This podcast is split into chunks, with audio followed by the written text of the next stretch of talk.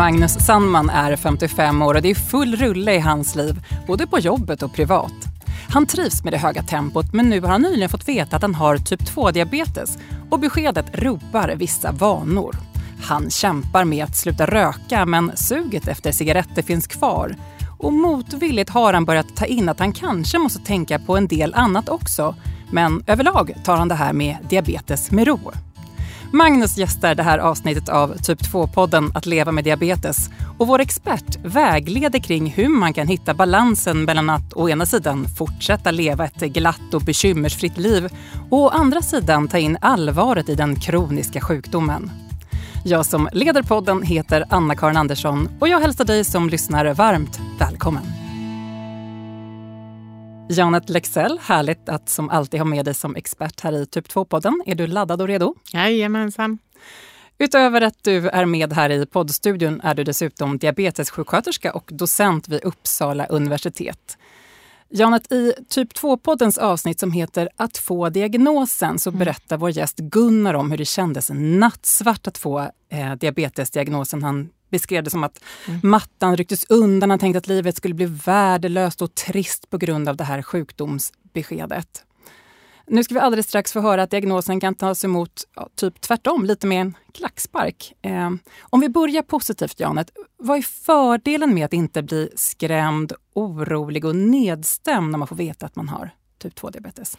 Ja, det, det är ju helt enkelt att man har lättare då för att ta emot kunskap och, och ta in det här nya. Men jag skulle återigen vilja säga att det här är väldigt olika och väldigt individuellt. Ibland kan det också vara bra att gå ner sig lite och på det sättet vara mera mottaglig. Vilka är riskerna då med att ta för lätt på beskedet? Ja, det är ju helt enkelt att du kan få en hjärtinfarkt. Det är en allvarlig sjukdom och det har man ju förstått nu de sista decennierna. Mm.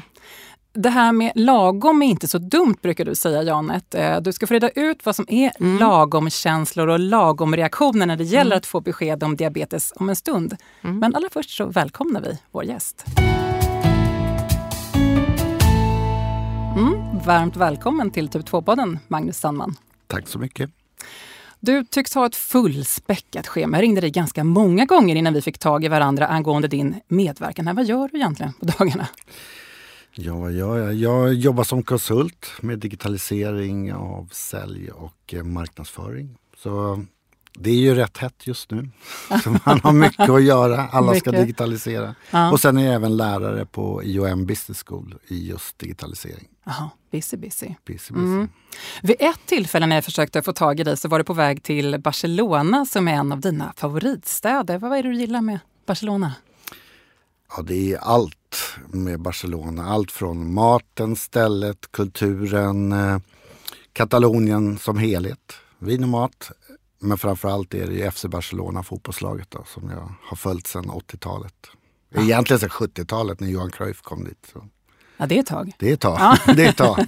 Riktig Barca-fan här alltså. Eh, Exakt. Det var just i Barcelona som du första gången fick känningar som tydde på diabetes. Berätta, vad hände då? Ja, det var just när jag hade varit på fotbollsmatch eh, och skulle gå ner mot stan från Camp Nou.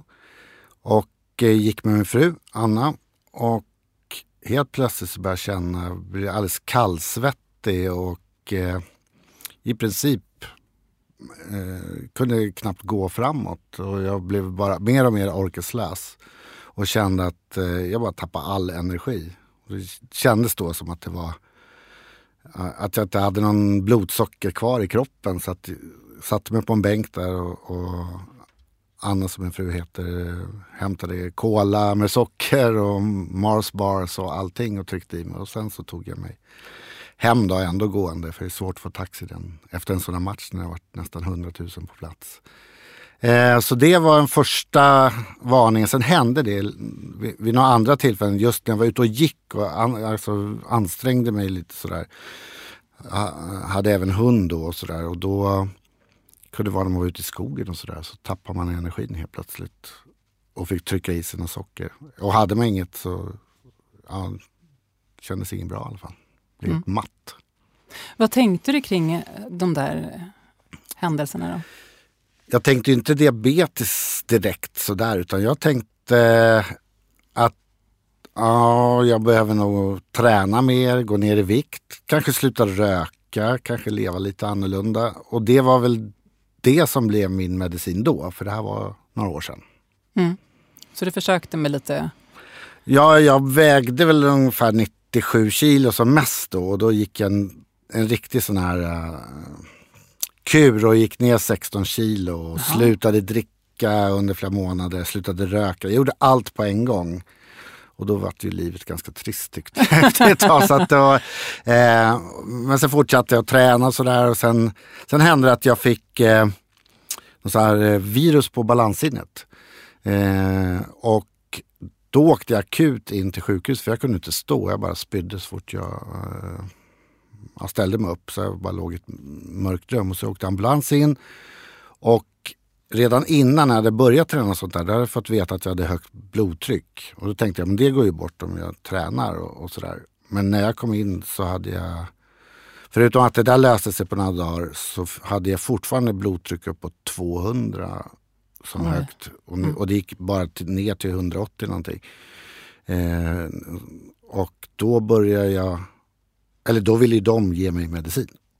Så då började jag ta prover och så fick jag blodtrycksmedicin. Då.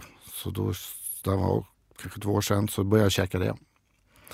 Eh, så det har jag gjort i två år. Och sen dess har jag där också då gått på årliga kontroller, väl tre år kanske. Eh, och följt upp det där och det var ju så det kom fram att jag hade diabetes. Då. Mm. Vad tänkte du då när du fick veta att du hade diabetes? Först när jag fick, eh, när, när, min eh, läkare ringde då, så, så tänkte jag inte så. Han sa några siffror och så tänkte jag, jaha, Ja, men det är väl bara att ta ett nytt prov. Då. Jag hade säkert en dålig dag. För man skulle gjort eh, man skulle varit eh, fastande på de här proverna och eh, det tyckte jag väl att jag nog hade varit. Men då tänkte jag det är nog det som är problemet, att jag inte var tillräckligt strikt med det där. Så jag tog om proverna och så eh, ringde han igen, Daniel som han heter och eh, sa att det här är ju faktiskt det är för högt och då har man diabetes. Och då frågar jag liksom, vad, vad händer nu? Ska jag ta en ambulans eller ska jag komma på en gång? vad, är, vad är frågan om? Nej, och så bokade vi tid sa han. Det var ingen fara så, men vi måste gå igenom det här och det finns en plan som man kan följa och sådär. Och eh, då tänkte jag väl inte mer på det än att jag har inte känt någonting och sådär. eh, men när jag berättade för andra så blev det ju sådär att det blev ju, oj, har du det? Liksom? Håller på att dö? Så omgivningen reagerade starkare än vad du ja, själv gjorde? Absolut, mm. att, och det har jag märkt under hela tiden egentligen att de första kompisar man berättar för, alltså man tror ju att, och det trodde jag nog själv också, om diabetes då tänkte man, insulin, man insulinsprutor och sånt. För det hade jag kompisar när jag gick i skolan, som, när de var barn som hade och sådär. Eh, och det är det de tänker, och att man inte kan äta något och bort med liksom allt. Och jag kände inte så och hoppades inte att det var det som skulle hända heller. Och när jag träffade läkare så var det inte det som hände riktigt heller. Och ni sa det där med en klackspark tidigare och sådär. Eh, det börjar väl också ett sätt att skydda sig mot det men samtidigt så förstår jag att det måste skapas några förändringar men de kanske var mindre än vad jag trodde. Mm. För mig. En förändring är ju det här med, med rökningen som du varit inne på. Du har eh, rökt tidigare i drygt 30 år. Mm. Ett halvt paket till ett paket om dagen. Och nu har du fått höra att rökning inte är något vidare. Eh, och det kanske i och för sig var bekant sedan tidigare att rökning inte boostar hälsan direkt. Eh, men nu har du blivit varse att eh, det har direkt påverkan på diabetes. Och det fick dig verkligen att eh, sluta. Och det är något som du kämpar med. Hur, hur går det med rökavvänjningen? det har gått bra i alla fall. Jag har eh, hållit upp nu inne på sjätte veckan och eh, jag tycker att det är jobbigt ibland. Men samtidigt har man ju, har ju, precis som jag sagt, det är klart man vet att rökning är inget bra. Det är liksom, eh, och någon gång skulle jag väl sluta hade jag tänkt. Men nu blev det ju ett läge att verkligen göra det då. Och eh, mina barn och alla varit på mig att jag ska göra det. Eh, av oro för, för massa saker. Eh, men det är ju ett svårt, eh, både ett svårt beslut när man har hållit på så länge och det är ganska avslappnande och jag tycker att det är ganska gott. Och det är ett, en vana i massa situationer och det är det som fortfarande är. Att i vissa situationer så vill man ju ta en cigarett för det lugnar ner eller det är bara, det brukar vara där. Mm. Vilka situationer kan du sakna ciggen? Det är, jag ska säga att det är precis som när jag gick hit till exempel från tunnelbanan. Och det är lite sol, då känns det skönt att gå ner mot vattnet och ta en cigg.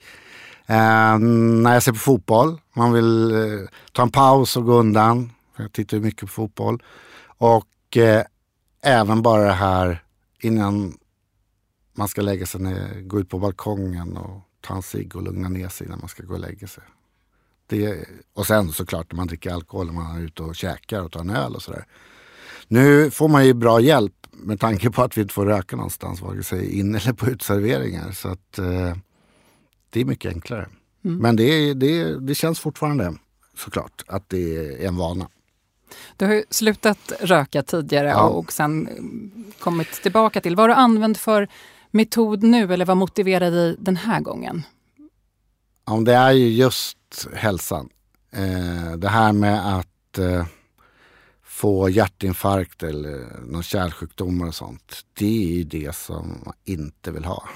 Det är liksom för tidigt eh, för mig att få det tycker jag. Och risken, jag såg ju också på eh, när jag fick veta det här om diabetes så gick vi igenom massa diagram och man fick eh, sätta in massa siffror och sånt där som jag tycker är kul. Då. Eh, och då det är såg klart, digitala killen. Ja, precis.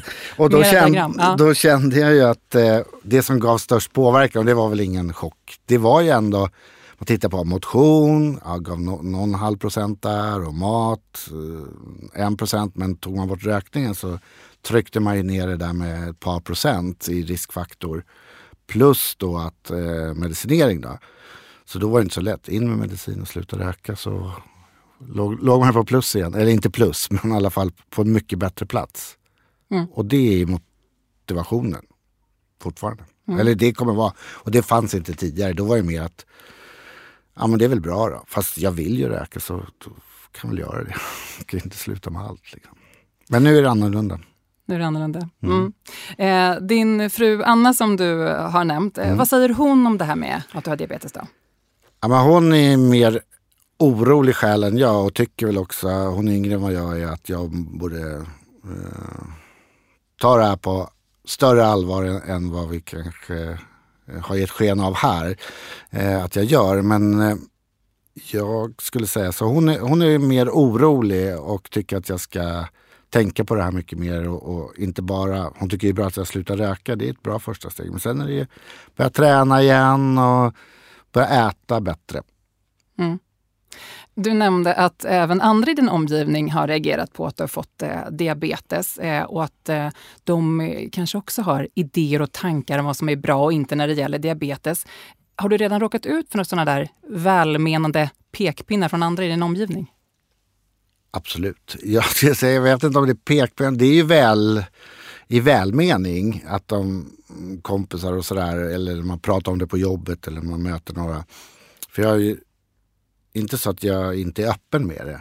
Eh, det tycker jag är viktigt att man liksom folk vet. Eller jag gillar att prata om mig själv ibland. Och så, så det, det är väl okej. Okay. Men, men eh, det, det är ju det där att de tror att man måste ta bort allting och det är bort med allt socker. Det finns ingen, eh, det finns ingen kompetens eller ingen kunskap. Utan det är bara att, ja men det där kan du väl inte äta eller nu måste du äta sånt där. Det är väldigt, väldigt, väldigt mycket vad man inte får äta som verkar finnas. Och jag kan inte säga exakt något exempel men det är just maten att du kan väl inte äta det här. Eller mm, går du på sprutor? Det är det första alla har sagt. Och sen nästan tittar på en som att hur många veckor har du kvar? Så man fick i början av vissa kändes det som att man hade fått ett cancerbesked för 40 år sedan. Liksom. Men, eh, sen, ja, jag förklarar väl li, lite men jag är inte så jätte, jättekunnig än heller. Eh, nu har jag för sig varit hos, eh, hos en eh, diabetessköterska och fått lite mer genomgångar. Och så, så, men jag är ju uppe i ett program för det där. Så att eh, jag får väl informera dem allt eftersom här. Då. Men annars så lever jag mm, inför dem och talar om att nej, det är inte riktigt så. Men jag återkommer när jag vet vad jag inte exakt får göra. Men jag har inte fått något förbjudet i alla fall. Bara vara bättre. Jag vet vad jag ska göra. Jag vet, eh, och det är inget konstigt. Man vet ju vad som är hälsosamt. Det är liksom ingen rocket science så tycker jag. Tack eh, Magnus Sandman. Du ska få ytterligare lite råd nu, men av då vår expert Janet Lexell. Tack så länge. Tack. Jaha, Janet, vad tänker du efter att ha hört Magnus berätta? Ja, jag tycker det var en väldigt trevlig berättelse och också väldigt fascinerande att eh, läkaren där lyckades hitta din knapp för att trycka på din motivation. Alltså ni var inne på risk, riskmotorn där på NDR förstod jag det som. Och eh, då tittar man och då ser man ju väldigt tydligt och du som jobbar med digitalt, det tycker jag var genialt alltså. För det är ju det det handlar om. Att försöka hitta människan där de är och hur, hur liksom, vad kan fastna just för den här personen? Hur kan den personen lära sig? Hur lär sig den här människan? Ja, det var, det var väldigt genialt. Magnus känns ju väldigt glad och positiv mm. trots att han har fått mm. eh, mm. diagnosen och mm. säger att det, det, här är ju inte som att... Alltså, vissa får det låta som att det är som att få cancer, mm. som man sa det för 40 år sedan. Eh, kan man få fortsätta vara så här glad? Absolut. Och jag, jag, tänkte också så här att det är de där diabetespoliserna som vi brukar säga inom diabetesvärlden. Alltså, håll tyst och läs istället. Ja. Så man ska lyssna inte lyssna på den här podden. På, ja, mm. lyssna på podden, mm. inte så mycket på omgivningen. Mm. Nej. Men att sluta röka, det är ju bra jobbat. Är, är det värt besväret? Tycker det är du, absolut värt besväret och det visar ju också, som du beskrev själv, flera procent som liksom minskar riskfaktorn rejält alltså. För det är ju kärlen som, som tätnar ihop av rökningen. Så är det ju. Mm. I övrigt då, Magnus mår ju överlag bra. Mm. Är det något mer han bör ta till sig av som nydiagnostiserad med diabetes? Ja, eh, alltså det är ju det här med kontinuitet. Det är ju väldigt bra. Till exempel med motion och att man lär sig också. Nu sa du själv att du beskrev att du gick ifrån tunnelbanan och hit. Det är ju jättebra grej. Vardagsmotionen. Och vardagsmotionen är jätteviktig. Och också försök att ha någon slags kontinuitet med måltider. Så man inte hamnar i det här som vi alla gör. Du vet om man inte äter lunch till exempel så kanske man blir jättehungrig när klockan är två och så bara går man in där och köper en chokladbit för man vet inte vad man ska göra. Så det är lite viktigt att tänka på och försöka lägga in det i schemat. Mm. Eh, Eh, Magnus fru vill att han ska bry sig mer och inse allvaret i eh, diabetessjukdomen samtidigt som Magnus själv tar det lite mer med ro. Hur, ska mm. de prata ihop sig? Ja, jag tycker att hon ska vara med på ett besök till diabetesvården. Det är så att jag tänkte på, så att man får prata mer tillsammans. Ja, du blir lite som en relationsexpert ja, det... Janet och kanske diabetessjuksköterskan också då? då ja. sitta Nej, men prata lite ansvarsfördelning där och, och, diskutera ja, hur du tänker när hon gör så. Är det bra eller dåligt just för dig? För det kan ju också vara bra att någon bryr sig. Men det är ju också väldigt olika och då får man ju prata om det tänker jag. Mm. Mm. Magnus är ju 55 och mitt uppe mm. i karriären och har ett aktivt liv i övrigt. Mm. Tror du att ens livssituation kan påverka hur ett diabetesbesked tas emot? Att sjukdomen inte tar lika stor plats när det finns så mycket annat som upptar ens tid och tankar? Ja, det, det är ju klart att det är på det sättet. Men det gäller ju då att försöka tänka till hur man kan göra. Det är ju inte så heller att diabetesen ska ta över ens liv. Det är ju inte det det handlar om. Utan diabetesen ska ha plats i livet och att den finns med i, i, ja, i vardagen. Sen varje dag orkar man ju inte för det finns inte en människa som orkar tänka på det varje dag. Men generellt sett. Mm. Magnus, jag vänder mig till dig igen nu. Vad, vad tänker du? Mat på fasta tider och ja, mer det, motion? Absolut. Hört det, förut. Det har jag förut. Men, men, samtidigt, och jag har ju, eh, när jag gör det så mår jag så mycket bättre. Eh, och det har jag märkt också nu bara att sluta röka. Som har, utan att ha ansträngt mig har jag mycket bättre flås bara på, på de här sex veckorna. Eh, men det som jag tidigare och som jag har svårast för det är det som säger om, om regelbundna måltider. Att försöka käka då, riktig frukost, en lunch och så några mellanmål och sen middag. Mm. För när man får in det flowet då, då blir det jäkligt bra. Och många, man går dessutom ner i vikt. Så det, det, det, Bonus där. Ja, Men ja, ja. p- precis. Och plus att, och det är där jag märker precis det här tappet. Eh, eh, när man tappar lunchen, då vill man trycka i sig jäkligt mycket choklad på vid tre, fyra tiden på jobbet för att orka en sista timmen innan man drar hem. Och, så, och så käkar man då. Och, och har man inte gjort den här chokladen, då käkar så extremt mycket. Så att käka mycket, stora portioner är en annan sån grej som jag också försöker tänka på. Men jag är inte riktigt där än den här gången. Men jag, jag vet det här inne i huvudet. Så jag ska dit. Det låter bra. Vad tror du om det här med att ta med frugan då till sköterskan också? Det, det, det tror jag blir jättebra. Ja. Eh, faktiskt. Ja men det är kul. Man behöver ha lite relationsbindande saker. Och lyssna på någon annan. Ja, men det tror jag också är bra för att få kunskap. För jag filtrerar ju säkert saker eh, ganska hårt när jag berättar vad de har sagt eh, till mig. Eftersom det, jag är inte expert då, och så jag tar väl till mig de delar jag tycker. Och det kanske inte svarar rätt mot vad Anna tycker och vill höra. Så det var ett jättebra tips. Det ska jag fixa. Janet, du ser nöjd ut och nickar. Och, Mm. ja, du tror på Ja, Magnus? gud, absolut. Jag tror verkligen på dig, Magnus. Verkligen alltså. Ja, ja, det låter Ja, lovande. ja. Mm. Magnus Sandman, stort tack för din medverkan i Typ 2-podden. Tack. Tack säger jag även till vår expert Janet Lexell. Själv heter jag Anna-Karin Andersson och Typ 2-podden Att leva med diabetes är en produktion från det forskande läkemedelsföretaget Böringer Ingelheim. Tack för nu och på återhörande.